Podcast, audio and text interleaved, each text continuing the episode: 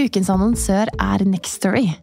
En abonnementstjeneste for lydbøker, der du får tilgang til ikke uendelig, men svært mange lydbøker på nett. Å ja. Et helt univers, rett og slett. For meg har det passet perfekt nå i vinterferien. For da har jeg hatt ekstra tid eh, til å gå lange turer og lytte til bøker. Og så har jo vi en date i kveld, eh, Ingvild. Eh, vi skal på teater og se Anna Karenina. Så da bestemte jeg meg for å bruke Next Story for å lese gjennom den på nytt. Og det er bare helt fantastisk roman fra 1870-tallets Russland som jeg anbefaler alle å utforske, fordi den er like aktuell nå i 2024 som eh, den gang den ble skrevet. Men det er jo så fint, da, ikke sant? Og uavhengig av om eh, man har vinterferie eller mer tid til overs, så har man også disse små lommene i hverdagen. Du kan ha boken på øret, og du kan brette tøy, eller du kan sette på en klesvask, en oppvask, whatever og dykke inn i dette universet. Og det er jo det som er så fint.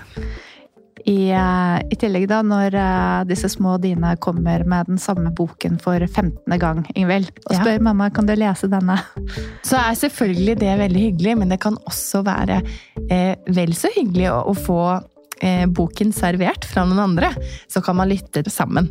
Eh, vi har hørt mye på Albert Aabergs lydbøkene i Nextory, for det er et univers som både min femåring og min toåring elsker. Ah, det er fantastisk. Man kan finne så mye flotte verdener og opplevelser i gode bøker. Og du som lytter til oss, kan nå få seks uker med fri tilgang til Nextory hvis du går inn på linken nextory.no engler. Så gå inn der, bli med oss eh, og utforske bokuniverset. Og så håper jeg at du har like stor glede av det som vi har.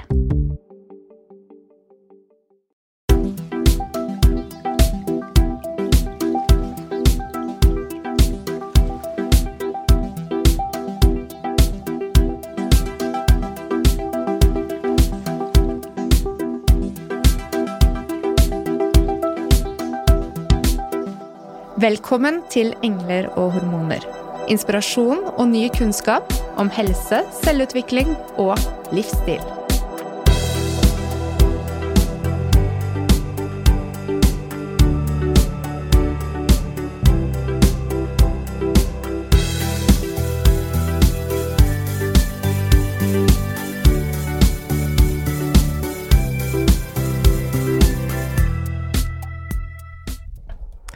Dagens gjest er ikke skyggeredd for å uttale seg om temaer som engasjerer. Kanskje litt urettferdig at dagens gjest med sine sterke meninger ikke får mer oppmerksomhet fra de som sitter og bestemmer hvordan hun skal legge opp sitt småbarnsliv. Så sitter hun der, da, og kniper igjen for et barn nummer tre, mens hun føder leseinnlegg og bedriver det enkelte betegner som skremselspropaganda. Men er det egentlig det? Vi som daglig jobber med kvinnehelse, ser også baksiden av velferdsstatens Norges medalje, og syns at jo da, vi har det veldig bra her i Norge. Men når det kommer til fordeling av ressurser for kvinnehelser og det, vi, det som det vil medføre for likestilling, da ligger vi fortsatt etter det enorme potensialet som vi ser er mulig. Og det er derfor vi har invitert dagens gjest hit. Velkommen, Oda Weider Krogh. Tusen takk. Kanskje noen av våre lyttere ikke kjenner deg. det er veldig stas å være her. Ja. Du har også vært her som den mystiske siste stemmen på slutten av hver episode. Ja, det kommenterte mannen min eh, Bjørn eh, faktisk i dag, for han hadde hørt på en av deres episoder. Mm. Mm. Så Bjørn er en lytter? Ja, han er en eh, lytter. Uh, ja. Hei, Bjørn. Hei, hei, Bjørn. Han bare Du, den derre stemmen helt på slutten, det høres veldig ut som deg! Ja, ja det er meg. Ja. Så der, uh, ja. Men nå skal Snik du få tiden uh, imellom uh, jinglen som er da komponert av din kjære mann, og outroen som er fast med deg, så skal du til og med få lov til å være gjest. Ja, det er veldig, veldig hyggelig. Vi holder det innad i Ikke i familien, men vi holder det innad i ja. Hva skal vi si? Podkastsfæren? Jeg vet ikke. Podkastsfæren, ja. La oss si det sånn. Kan du ikke fortelle litt kort om deg selv, Auda? Jo, um, jeg er jo da uh, kvinne. Jeg sier det, jeg. For det, det Jeg er stolt kvinne. Um, jeg er stolt tobarnsmor. Og så er jeg pedagog, master, uh, utdannet med master, som jeg fullførte mai 2019. Jobbsøker. Um, og så driver jeg jo da podkasten Familieliv, også her på huset. Mm. Um, ja, og så liker jeg å skrive, da. Veldig glad i å skrive. Um, stort og smått. Og generelt en litt sånn hverdagsentusiast, tror jeg. Du er god til å berøre, da, Oda. Mm, ja. Treffe noen nerver og sånn. Mm. Og vi skal jo eh, ja, snakke litt om eh, ulike temaer som virkelig engasjerer. La oss starte med svangerskapsomsorgen. Ja. Skal vi starte der? Naturlig Mm. start, eh, fordi eh, Hvis det er greit at vi blir litt personlige også underveis, Oda, så, oh, ja. så har vi jo to nivåer her. Det ene er hva som skjer i samfunnet, og det andre er hva du har opplevd selv. Mm. Eh, mens ehm, du har jo skrevet at du kniper igjen for et barn nummer tre. Ja. Ja, med en ganske konkret eh, pekefinger til eh, Lånekassen, Mm. Nav, Mm. regjering, Ja. storting, Yep. noen flere? Eh, nei, det, jeg tror det er de fire Foreløpig eh, Ja, nei, det er, eh, det er De fire er eh, De står De står klart der fremme, de, og og, og dessverre gjør jo at at jeg er litt sånn usikker på Eller liksom holder igjen eventuelt å bli gravid på en tredje gang, da. Ja, Og mm. dette gjelder jo deg personlig, for vi vet jo at det er eh, Vi lever i Norge, det er et mm. velferdssamfunn, mm. eh, man har mange goder eh, også, Ja, ja, Ja. men det er bare De godene traff deg kanskje litt skeivt? De Kan jeg si det sånn? Ja, de fløy litt sånn over huet på meg, da, for at eh, eh, jeg fikk jo eh, Jeg har jo da to døtre. eh, Stella på fire og et halvt og Iben på snart to og et halvt. Og jeg ble gravid med Stella da jeg var eh, på siste året på bacheloren. Da var jeg 24. Ung og frisk og rask og akkurat der Erna ville ha oss. Og da um, hadde jeg også deltidsjobb i Vinmonopolet, så jeg jobbet jo og um, skjønte jo fort at det måtte jeg bare fortsette med. Hvis ikke så kommer jeg ikke til å få verken foreldrepenger, og Bjørn ville jo ikke ha rett til sin tid med barnet, fordi det er fortsatt sånn i 2020, for det har ikke blitt endra ennå, selv om jeg ikke skal gi opp den kampen heller, så er det sånn at eh, mor må tjene en viss eh, sum, jeg tror det er en halv G, for at eh, far skal ha rett til sin foreldrepermisjon, av pappapermisjon. Um, som jo er helt bak mål, og det er jo både Altså, det er jo en helt idiotisk regel overfor far, Mm. som burde være helt selvstendig. Og Bjørn i vårt tilfelle jobbet jo, Eh, så han hadde jo tjent eh, langt over en halv G før jeg klarte å kåre meg til det med min lørdagsjobb, da. Som gravid eh, og på siste året med da bacheloroppgave hengende over meg. Ehm, så Men hvis jeg ikke hadde jobbet, da, som jeg da heldigvis klarte, så hadde jo ikke han fått rett i det, for det, er sånn det er. Så man er liksom ett, da. Og da var jo ikke vi gift engang. Nei. Så det Jeg trodde faktisk at det øh, øh, var fordi man måtte være gift, men jeg kom jo på at vi var jo ikke gift, da. Vi var jo bare forlovet. Så det, er, det gjelder jo for samboere og sånn. Så fant, jeg tror jeg fant ut nå at øh, hvis liksom vi skulle ha kommet oss utenom dette, så tror jeg rett og slett at Bjørn og jeg ikke kunne ha bodd sammen. Å, Ja. Få barn sammen, bare ikke bo sammen. vært særboende. Yes. Mm. Så, så da liksom begynte det å være litt sånn Herregud, dette er jo utrolig merkelig. Uh, og så snakket med Lånekassen og universitetet og liksom spurte er det noe jeg ikke har skjønt. Det var det ikke. Jeg hadde lest de punktene jeg liksom kunne lese, da. Men jeg fikk jo da den foreldrepermisjonen, og så gikk det jo da bare et lite år. Så ble jeg gravid med Iben. Det var også planlagt.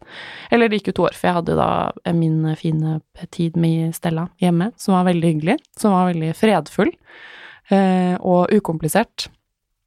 Men så kom jo da eh, Iben begynte å spire og gro, og da begynte det også da å spire og gro en grusom smerte. i underlivet, eh, rett og slett. Som gjorde at jeg tenkte at nå har nå, nå har jeg låst deg, nå er litt sånn stiv og støl. Så Mm. jeg fikk jo da massasje, som jeg unnet meg etter eh, akkurat bikket uke tolv på Klinikk for alle. Og da Eller på en klinikk. Skal man ikke si det? Nei, det går fint. Det går bra. Tror det. Jeg møtte i hvert fall deg da, Mona. Som kunne fortelle meg at eh, det er ikke noe Du er stiv og støl, men eh, det er mer enn som så. Ja. Ja. Og det er jo et veldig underkommunisert uh, vanlig Nå snakket jeg veldig lenge, unnskyld. Nei, du, bare- det får stoppe fint. meg. Du er husvarm, og det liker vi. Um, for det er jo da snakk om et veldig underkommunisert og vanlig problem. Mm. Plage. Variser. Ja. Ja, altså Egentlig masse forskjellige som kan skje i svangerskapet. Mm. For det handler jo ikke bare om deg, Oda. Det handler jo om så mange kvinner som har utfordringer i svangerskapet. Mm. Og sånn, Mm. da du kanskje får den beskjeden som du fikk da, ikke fra meg, fordi jeg har ikke de rettighetene, men fra jordmor, om at du måtte sykemeldes. Mm. Og det var ikke gunstig for din situasjon, så der satt du på en måte litt i uh, suppa, da, Mm. med rettigheter og hvordan skal jeg få dette til å fungere med barn og mann og familiepermisjon og Mm. lønn og Ja. Ja. Uh, så det er egentlig to ting. Det ene er Skal vi akseptere at kvinner har smerter i svangerskapet? Er det normalt, eller kan vi gå inn på det? Og da tror jeg vi skal linke i denne episodebeskrivelsen til en runde vi hadde hos Ekko. Det Mm. kan vi legge inn i episodebeskrivelsen hvis noen vil høre litt mer om det fysiske. Mm. Eh, men eh, dette da med å sitte i den situasjonen som nybakte tobarnsforeldre, og her skal vi organisere hverdagen vår slik at vi skal både fungere eh, hjemme og økonomisk og ja, Mm. hvordan gikk det? Ja, det, det var jo ikke så lett, fordi eh, det var jo da i uke 18 jeg var hos deg. Eh, og det vet jo alle som hører på som eh, har gått gravid, at det er jo ganske lenge igjen av svangerskapet. Da jobbet jeg fortsatt eh, på Vinmonopolet, lørdagsjobb. Så jeg hadde jo da stella på eh, halvannet lørdagsjobb, eh, første år på master, med praksis på, på kjedekontoret på Vinmonopolet. Og Bjørn, da, liksom vårt eh, samliv. Eh, ikke noe sosialt liv, det, det var liksom ikke tittel. Og så får jeg da beskjed av jordmor, som jeg da også begynte faktisk å gå til privat jordmor, fordi jeg, føl, altså jeg måtte ha god oppfølging. Mm. Eh, så det er en liten sånn hei til de som gjør det. Ikke skam dere over det. Og det kan man, hvis man har råd til det, og det hadde jeg jo egentlig ikke, men jeg tok av sparepenger for å faktisk liksom Jeg bare skjønte at dette er jo mammasponset, var jo, for det var liksom litt sånn småkrise, da. Eh, Men det var veldig fint, og da sa hun at eh, du må sykemeldes fra jobben, og da skjønte vi jo at det det var litt sånn kritisk, så jeg jobbet liksom to lørdager til, for da hadde Bjørn regnet ut at da skal du ha nok til at jeg får At du ikke bare får engangsstønad, da, men til at du får permisjonen. Eh, Men så ble jeg jo da sykemeldt, og jeg var jo sykemeldt ut svangerskapet, og endte jo opp med å si opp den jobben, fordi jeg merket at dette her, altså dette går jo ikke, og jeg fikk veldig dårlig samvittighet for arbeidsplassen, eh, og skjønte jo også at med to tette, jeg kommer ikke til å liksom Lørdager der, det skjer jo ikke, så de fortjener å finne en annen. Så kommer det da et brev, da var Iben eh, Da var hun jo ikke født eh, vel enda, nei, det var noen måneder før hun kom. Da får jeg da avslag på foreldrepenger. Fordi de hadde regnet ut at jeg hadde tjent for lite og hadde vært sykemeldt, og da regner de sykemeldingen som lønn. Eh, Ja, og det var jo da null, så da hadde jo ikke jeg opparbeidet meg rett til det. Og så kan man jo si da at eh, du har jo ikke betalt skatt, så hvorfor skal du få eh, Hvorfor skal du få penger når ingen andre gjør det? Og det er jeg helt enig i, men eh, jeg hadde jo tjent nok penger. Det var bare at det var jo før, og det skal være å, Nå blir det mye tall, da, men det blir sånn seks og ti måneder før. Eh, Bjørn er jurist, jeg lot han ta seg av det der formelle og tekniske. Og det var jo da Det var jo da Nav som ikke eh, Som regnet eh, eller som regnet på en måte feil da, i forhold til den formelen de har, som alle andre får beregnet sine retter ut ifra. Og så ble det jo rettssak. Og da gjorde de om på, eh, på, på årsaken til at de ga oss eh, avslag underveis, sånn at vi ikke klarte å Altså, det, dette bare skjedde, så de, de plutselig så bare fant ut at nei, men vi gidder ikke å gi en avslag på grunn av det, vi finner en annen grunn. Så det gjorde de bare sånn på underveis i prosessen, uten at vi da fikk mulighet til å anke eller liksom eh, klage på det, da. Og det er jo ikke lov å gjøre om argumentasjonen, eller dette blir jo veldig juridisk også. Men det endte jo med at eh, jeg fikk engangsstønad, og Bjørn fikk ikke pappaperm, da. Mm. Hvor, altså, hva er det dette betyr sånn i likestillingens navn, da? For vi skal Ja. jo tross alt være et likestilt samfunn. Mm. Det betyr jo at eh, For det første så betyr det at studenter er en eh, Vil jeg si at det ligger en sånn eh, mørk grop når det kommer til eh, svangerskapsomsorg. Eller kanskje ikke omsorg, da, men, men en gruppe som blir gravide.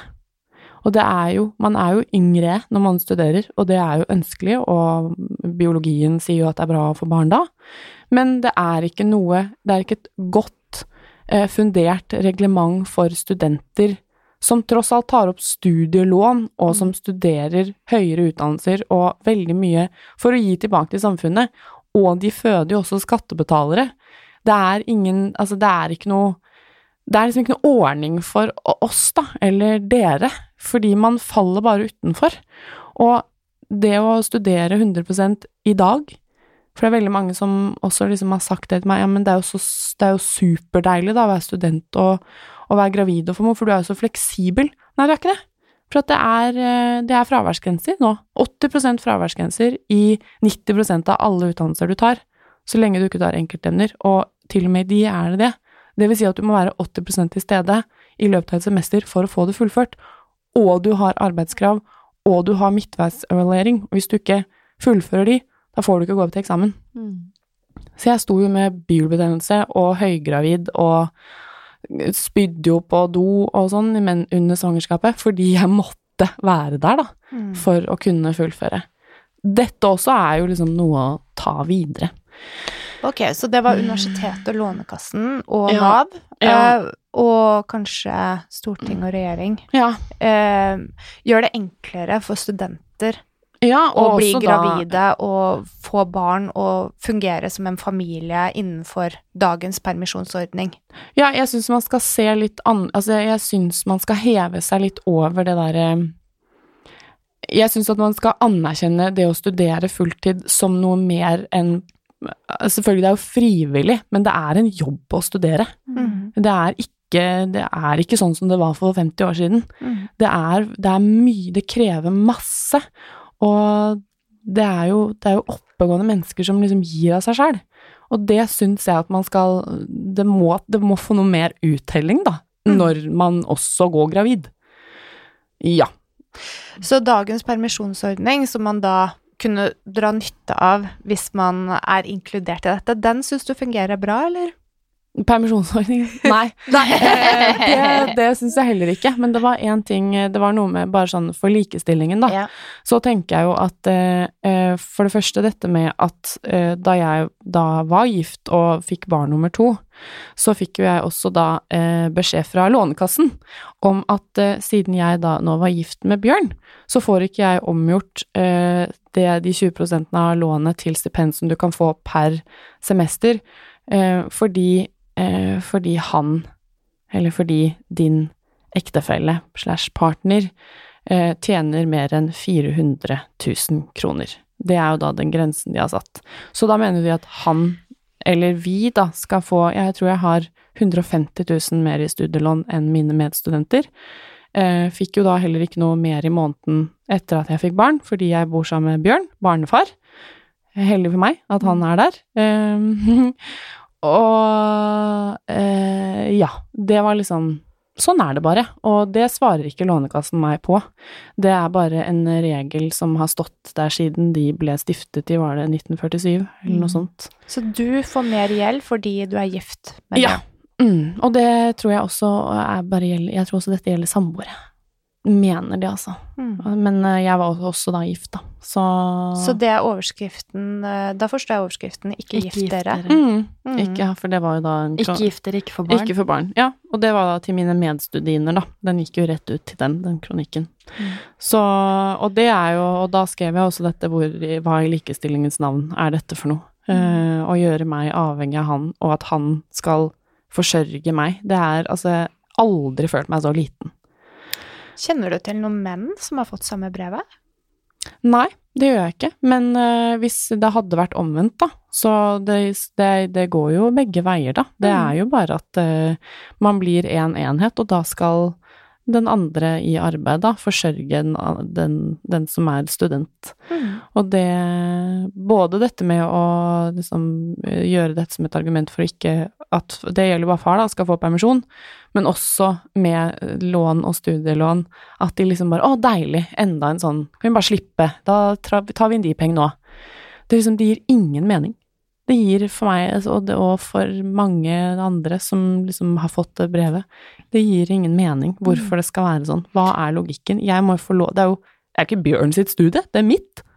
Det er du som har stått på eksamen. Eh, ja, og det er jo jeg som har valgt å ta opp det lånet. Skal ikke han plages med det? Det er liksom helt sånn.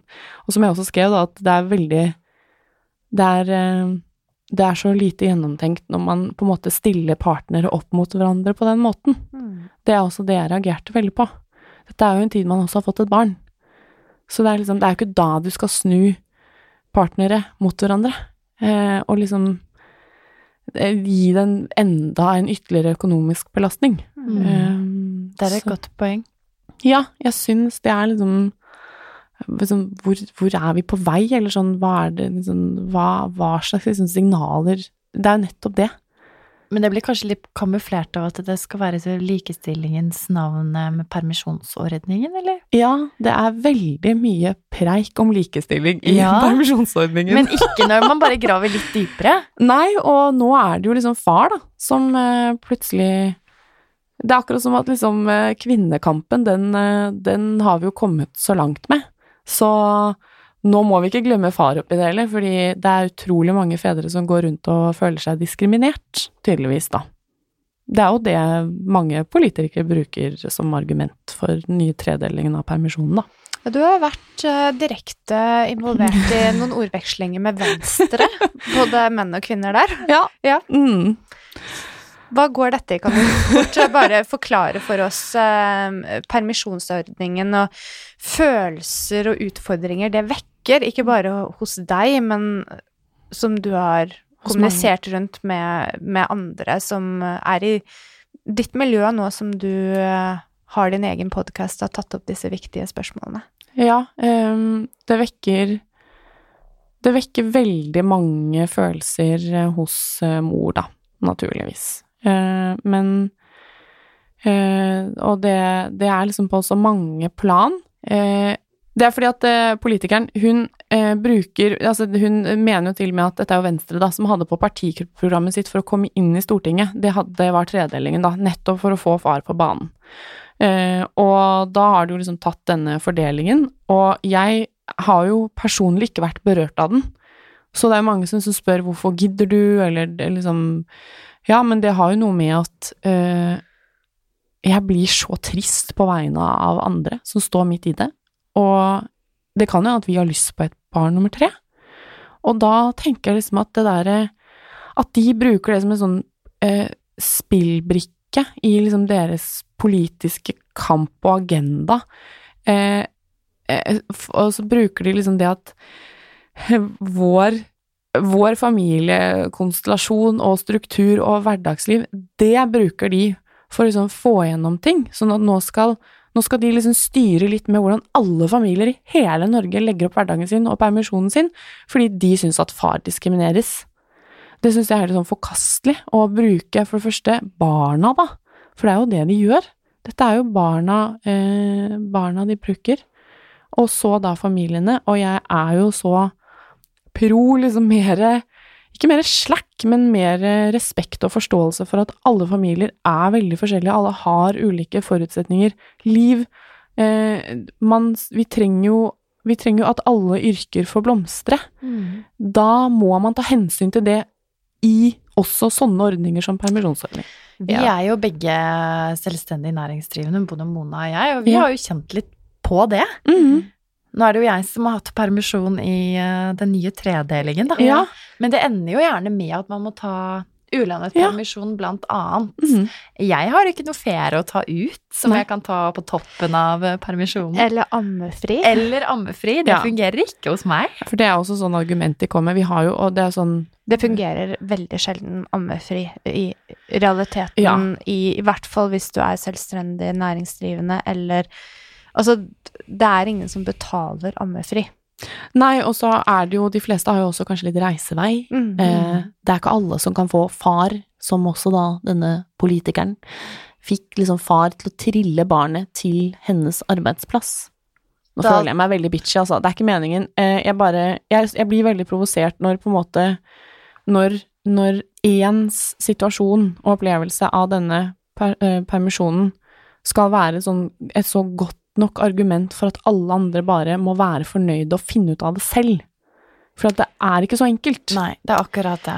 Er du to gründere, er du to selvstendige, er det utfordringer med at man er student eller ikke, så er det ikke alltid like enkelt. Og så har du dette med barnehageplass også i tillegg, som Ja. ikke nødvendigvis faller ned i hodet på deg akkurat når du trenger å gå tilbake til jobb. Mm. Ja. Ikke sant? Så det er Mm. liksom det er, og det er jo også det um, som jeg liksom eh, prøvde å få frem, som provoserte mange, da, om at eh, det er jo liksom det er sånn femårsperspektiv fra man blir gravide til, til liksom du kommer et snev av ovenpå deg selv og livet igjen, da, på en måte. Og når du da begynner å nedbemanne på fødeavdelingen, eh, det er ikke nok jordmødre, det er ikke nok helsesøstre eller helsebrødre, altså det er liksom, det er hele tiden nedbemanning på alle disse områdene som jeg mener at burde være det viktigste sattingsområdet vi har, for det er jo nytt liv, det er nye samfunnsborgere, det er, det er, det er jo mødre og fedres psykiske helse det er Mm. snakk om her. Det er parforhold, det er skilsmissetall, det er familieøkonomi, det er, det er pensjonssparing. Altså, det er så mye dette handler om, og det var jo poenget mitt. Og så, eh, og så drar man jo ut det man engasjerer seg for mest, og da var det jo permisjonen fra dette Nå snakker jeg om et innlegg, da, men jeg mener jo at det er så mye eh, som blir rokket ved nå, da, av, av ordninger for familier som, som ikke er bra. Mm. Og la oss snakke litt mer om fødetilbudet, for det er jo faktisk ikke bare i distriktene heller at eh, det er trangt om eh, når det gjelder eh, bemanning. Blant Mm. annet mange eh, bekymrede jordmødre har skrevet Ja. eh, kronikker i, eh, i januar Ja. om eh, tidspress, ikke mulighet til å være én-til-én for den fødende kvinnen, ikke mulighet, ikke rekker å ta CTG, altså overvåkning av Mhm. barnet, ikke rekker å vise den omsorgen den fødende kvinnen fortjener, og nærmest gråter etter ferd endt vakt, Ja. Og har ikke rukket å gå på do. Altså, jeg får gåsehud. Det er Ja. heltinner som står på for oss, og i Mm. tillegg så er det også dette at de har ikke tid til å melde avvik. Så mye av dette som vi snakker om her, det vil vi da ikke se eh, registrert, Mm. fordi det Det er rekker de ikke. kanskje- de rekker det på neste vakt. Ja. Ikke sant? Og det er liksom Det er bare Åh, jeg får så vondt i hjertet, og da må jeg skrive. Ja. Eller det er liksom det som skjer, da, for at det, det er jo liksom hva Ja, og ja, det er, det er mye sånn som jeg bare ikke forstår, eller sånn Og jeg Eller det høres kanskje naivt ut, men men jeg liksom nekter å la meg liksom gå under den derre Det er økonomi. Så er det sånn, ja, men eh, ok, hvis vi skal ta penger inn der, så er det jo for all del god økonomi å satse på folkehelsa. Virkelig. Det er jo um, en ting som uh, Torbjørn Broksten fremhevet også i ditt intervju med han, er jo et studie som er gjort på London School of Economics, der man har sett eh, gevinst, altså at det er eh, mer lønnsomt å sette inn tiltak for alle mødre eller familier Mm. mot å bedre fysisk, eh, psykisk helse, enn det koster da å behandle de Ja. som har fått problemer. Og, og det er jo et veldig stort poeng. Nå er det dessverre ikke gjort noe studie der det gjelder fysisk helse. Det kunne jeg ønske at noen satset på. Men i likestillingens navn, der vi skal tilbake da etter denne tredelte permisjonen, hvordan du enn eh, velger å fordele den, så, Mm. så handler det jo også om mors helse. Mhm. Ja, og nå er det jo eh, Det er jo da en tredeling, og så kan man jo si at ja, men far fikk jo bare én uke ekstra. Men problemet er jo at mm, Eller et av problemene er jo at man får ikke disponere disse ukene selv, og denne flekset. Det er liksom sånn Nei, det må tas da, og det må tas sånn. Alle vet jo, det er ikke sånn kvinnekropp, eh, barnekropp, fars hode, fars jobb Altså, det er, det er ikke sånn vi funker. Vi er ikke skrudd sammen som små tikkende klokker. Så, um, så det at det at man kan ha hatt et traumatisk svangerskap, man kan ha Altså sånn som Jeg brukte ganske lang tid på å komme meg tilbake etter å ha hatt veldig store plager fysiske, da, men det blir jo psykisk òg i mitt svangerskap. Mye lenger enn med nummer én. Ehm, og så kan man jo ha hatt en veldig traumatisk fødsel, keisersnitt, dårlig oppfølging på helsestasjonen, veldig mye ammeproblemer, eller at barnet bare vil amme. Altså det er Og dette tar ikke bare tre måneder, og det er ikke nok med bare åtte måneder eh, å få liksom fiksa i gåseøynene dette, og det argumenteres at ja, men det er nok tid i denne nye tredelingen til at mor kommer seg etter fødsel. Hvordan vet dere det? Jeg har en liten anekdote her. Et vennepar av meg. Mm. Mm. En person har vært veldig uheldig og ødelagt en del av kroppen som medfører operasjon på et kne. Kjempekjedelig. Mm. Dyktige kirurger her i Norge kan operere kneet, og da er man bevisst på at man skal trene seg opp systematisk hos fysioterapeut etter operasjon, og Mm. man blir henvist til fysioterapeut og følger et dedikert opplegg som det er forsket masse på, og vi har god kunnskap om hvordan dette kneet skal restituere seg. Mm. Kvinnen i forholdet Mm. har hatt keisersnitt. Ja. Abdominal operasjon. Mm. Oppfølging? Ingenting. Mm. Tenk på det. Hva skjer her? Nei, altså- Hvorfor? Hvorfor ikke? Mm. Nei, det er eh, Det er jo Altså, man blir jo helt matt, fordi er vi, er vi Altså, er vi fortsatt så lenket til den derre iboende oppfattelsen av oppfatninga at eh, ja, men kvinner er bare skapt til å føde, så det ordner seg jo sjæl, eller Mm. kroppen bare fikser seg selv eller går tilbake til Altså, en kropp går jo aldri tilbake til noe. Man, man, man, man blir jo eldre, og man vokser, og man Altså, livet forandrer seg. Tiden går fremover. Eh, ja, Ja. og man skal jo liksom ikke tilbake til noe heller. Eh, det er en annen episode dere må lage, for det er også veldig sånn åh, Vi må slutte å liksom si det. Mm. Men nei, det er Altså, jeg, jeg har liksom ikke Jeg har Jeg fatter jo Jeg kan ikke fatte og begripe det. Hvorfor Hvorfor ikke dette liksom er så selv, selvsagt. Eh, så At, eh, det må være bedre oppfølging. Og det har jeg også skrevet om, ikke sant. Og har jo laget lille slagordet Bekkensjekken, som bare er en liten ting, men det er jo sånn et keisersnitt. Kjempestor operasjon. Blir ikke fulgt opp. Eh, Masse revning under fødsel. Sying. Altså, det er Det er jo like viktig, og det er jo like, et like stort inngrep som om man hadde en annen operasjon i underlivet eller i magen. Altså, det er liksom Det er veldig merkelig at vi har Eller at det er et sånn kollektivt syn på at så lenge Eller når det liksom er graviditet og fødsler og barn involvert, så er man liksom sånn tilsidesatt, eller man er liksom en helt annen sånn finurlig kategori som bare skal klare seg sjæl. Liksom Det er veldig rart. Ja. Og da Ja. Du er ikke redd for å bli oppfattet som litt sytete? Eh, jeg var det, men eh, men, eh, men det var noe med å se det skriftlig at jeg ble det, som virkelig Ja, det bekreftet jo liksom det jeg har vært Altså fryktet, antatt men også håpet på at ikke stemmer, da. Og det er jo nettopp at eh, når en kvinne eh, engasjerer seg og rett, altså har et kritisk eh, blikk og perspektiv på, på ting i Altså ordninger i samfunnet med forbedringspotensial, eh, så oppfattes jeg både som utakknemlig, sutrete og klagete. Ja. Eller som også noen nå har sagt etter det siste innlegget, en eh, typisk egoistisk skal ha, skal ha-mor. Oi. Ja. Er det det siste, ja? Mm. Skal ha, skal ha.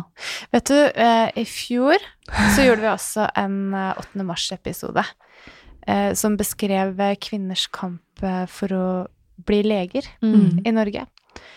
Og man kan enkelt se likhetstrekk mellom hvordan kvinner blir møtt i medier og skriftlig når man hever stemmen. Mm. Og det syns jeg er kjempefint hvis du fortsetter å heve deg over, Oda, fordi Mm. jeg vet at det er veldig mange som står bak deg, og er også veldig takknemlig fordi at du eh, hever stemmen. Mm.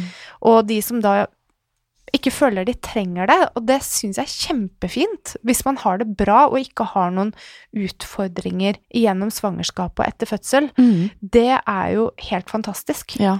Så for all del, der det går bra, er jo kjempefint. Mm. Men eh, har du noen forslag til hva man kan gjøre for å endre på disse utfordringene som du ser? Eh, For eksempel i permisjonen. Mm -hmm. Altså fjerne tredelingen. Helt enkelt, syns jeg man skal gjøre. Enten gå tilbake til sånn det var, eller hvis man skal liksom bruke politikkord, øremerke noe til mor. Og så kan man få dele resten selv. Mm. Ehm, da kommer jo argumentasjonen, som jeg liksom forstår, men som jeg bare ikke jeg, liksom, jeg ser den ikke, og jeg hører den ikke heller.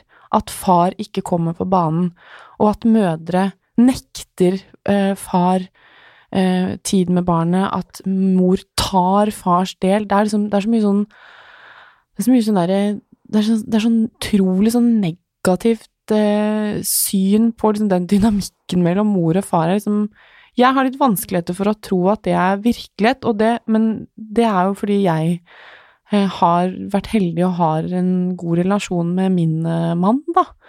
Men, eh, men, men ja, jeg har vanskeligheter for å tro at det er så At det står så dårlig til med likestillingen når det kommer til far i permisjonstiden, og så kommer jeg med en liten sånn brannfakkel der. Kanskje vi bare skal liksom la den der ligge og tenke at det første året er så spesielt, og som Gro Nylander sier, er liksom Altså, far er jo der. Eh, det er noe med mor eller eh, hun som Altså, de som adopterer. Det er liksom alltid en som blir den derre personen.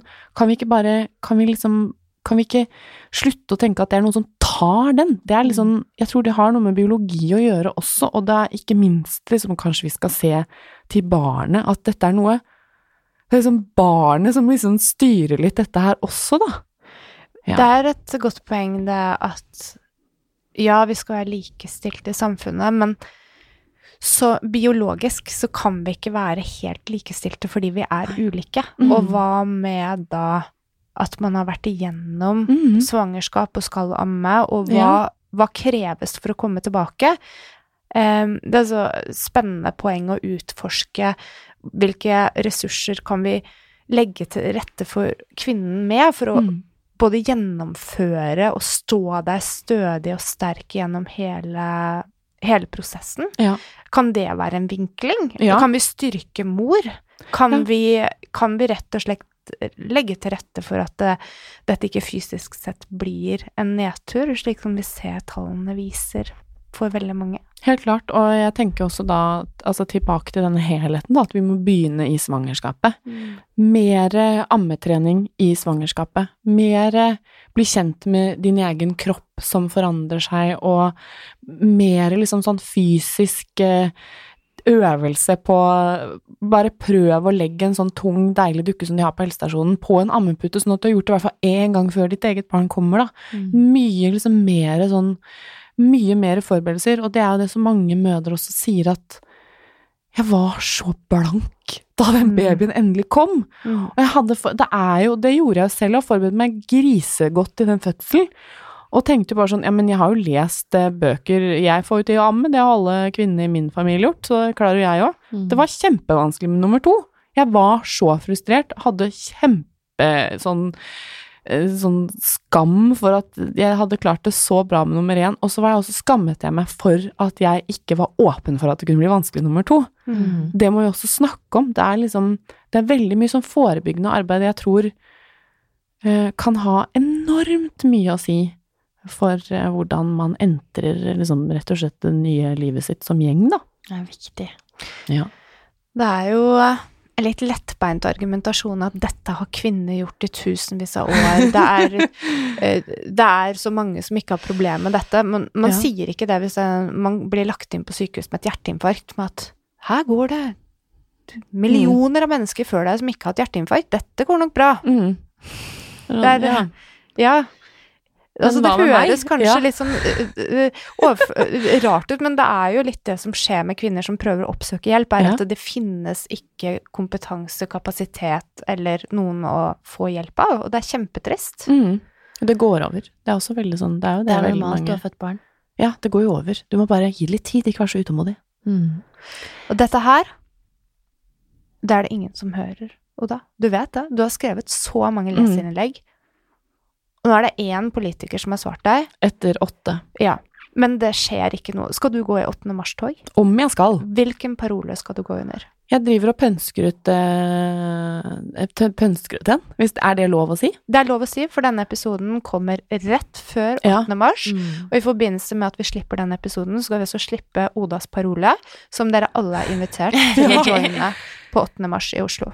Jeg har liksom noe sånn eh, Ja, jeg har lyst til at det skal rime. Det må jo liksom være skikkelig, skikkelig fengende. Og så har jeg litt lyst til at um, Altså, en ordentlig feminist, eller Real men are feminist, elsker det sitatet. Fordi Bjørn kan også være med å gå i 8. mars-toget, ikke sant? Mm. Og det, det er liksom Vi må tenke på det òg, og det er nettopp derfor jeg blir så voldsomt provosert av folk som skal liksom dra inn fedre som sånn, eh, sånn eh, ikke, Altså at de, er, at de blir diskriminert nå. Altså Bjørn, nå skal jeg skryte litt av ham, for det fortjener han. I fjor, 8. mars, kom det et innlegg fra Bjørn i Dagsavisen Ja, det var så fint. eh, til kvinner, men også til fedre, hvor han skrev at kvinner, altså kvinners helse går på bekostningen av likestillingskampen for menn. Hvor er vi på vei når, når dette skjer? Og det var jo litt det jeg skulle si i sted også, at jeg hører Altså øh, jeg hører jo ikke hvor er alle disse fedrene som har det så fælt. Ok, det kan jo at de ikke Tenk at de kanskje Det er så mange kvinner som meg, da, som, eh, som har liksom går til motmæle og sånn. Eh, Sånn at de kanskje føler at de ikke tør, eller at de ikke tør overfor kona og si vet du hva, jeg, føler meg diskriminert i, i vår ordning. Men da må dere også komme på banen, fordi at foreløpig så har jeg til gode å eh, liksom, Hvor er den gruppa med 30 000 fedre på Facebook som føler seg diskriminert i den nye permisjonsinndelingen? Jeg har ikke Ikke sant, det er så mye snakk om alle disse mennene, men hvor er de? Eller fedrene, da? Jeg syns det også er et sånn viktig spørsmål å stille, og også sikkert masse tall, men men, eh, men eh, hvor, er, hvor er de? Hvor er deres stemmer? Hvor, ja. Send meg en mail. Vi har en spalte, vi, Oda, i oh. vår podkast som heter Ukens engel eller hormonelle rush, om du vil kalle det sånn. Oi! Og det har jo vært en begivenhetsrik uke for deg. Ja. Eller uker. Ja. Du har også gått inn i 30-åra, som det så fint heter. Gratulerer med dagen, forresten. Det glemte jeg sist, da. um, er det en person du har møtt som har vært uh, spesielt snill, god, gjort noe godt, en fin handling, eller er det noe som virkelig har liksom trigga adrenalin eller oksytocin i deg? Oksytocin eh, Altså, nå, det, det, nå, nå er det så lenge siden men Det er positivt. Det er positivt. Ja, det er sånn kjær kjærlighetshormonet. Ja, ikke sant? Eh, vi skal ha noe positivt nå. Mm. Eh, det er eh, Kan jeg si to? Ja. Ja. Det er bestevenninnen Maria. Fordi hun, eh, hun ba meg på date. Og vi har ikke vært på date på fire år. Og det liksom trigget oksytocin og lykke, og hun ga meg ekte champagne, som er det beste jeg vet. som jeg aldri liksom drikker eller har råd til. Men hun hadde spart en flaske eh, til oss, og så fikk jeg sitte og bli servert yndlingsmat og yndlingsdrikke, og hun hadde kjøpt blomster en hel kveld. Og det er sånn, å gjøre det for meg, det Jeg lever fortsatt på den kvelden, da. Så det var skikkelig sånn oksytocin. Og raushet, det er faktisk en som heter Hanna.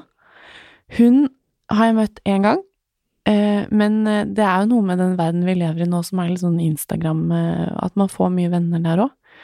Og hun sa at jeg vil bare si at det må være det må være egentlig litt lite tid til liksom parforholdet for dere om dagen også, og dere gjør så mye bra for andre, så jeg vil gjøre noe bra for deg og Bjørn.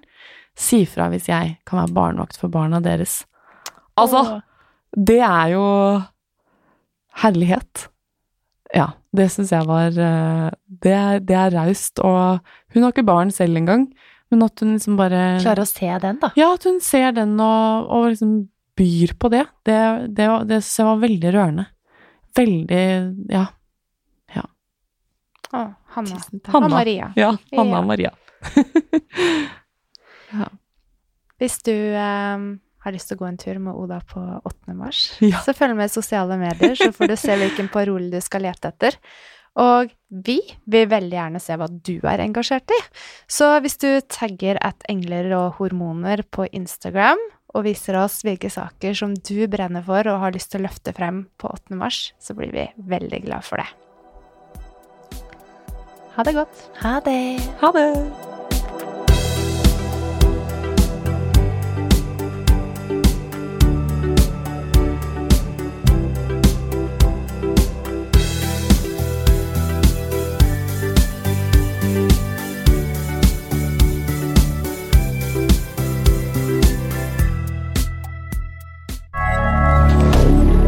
Moderne media.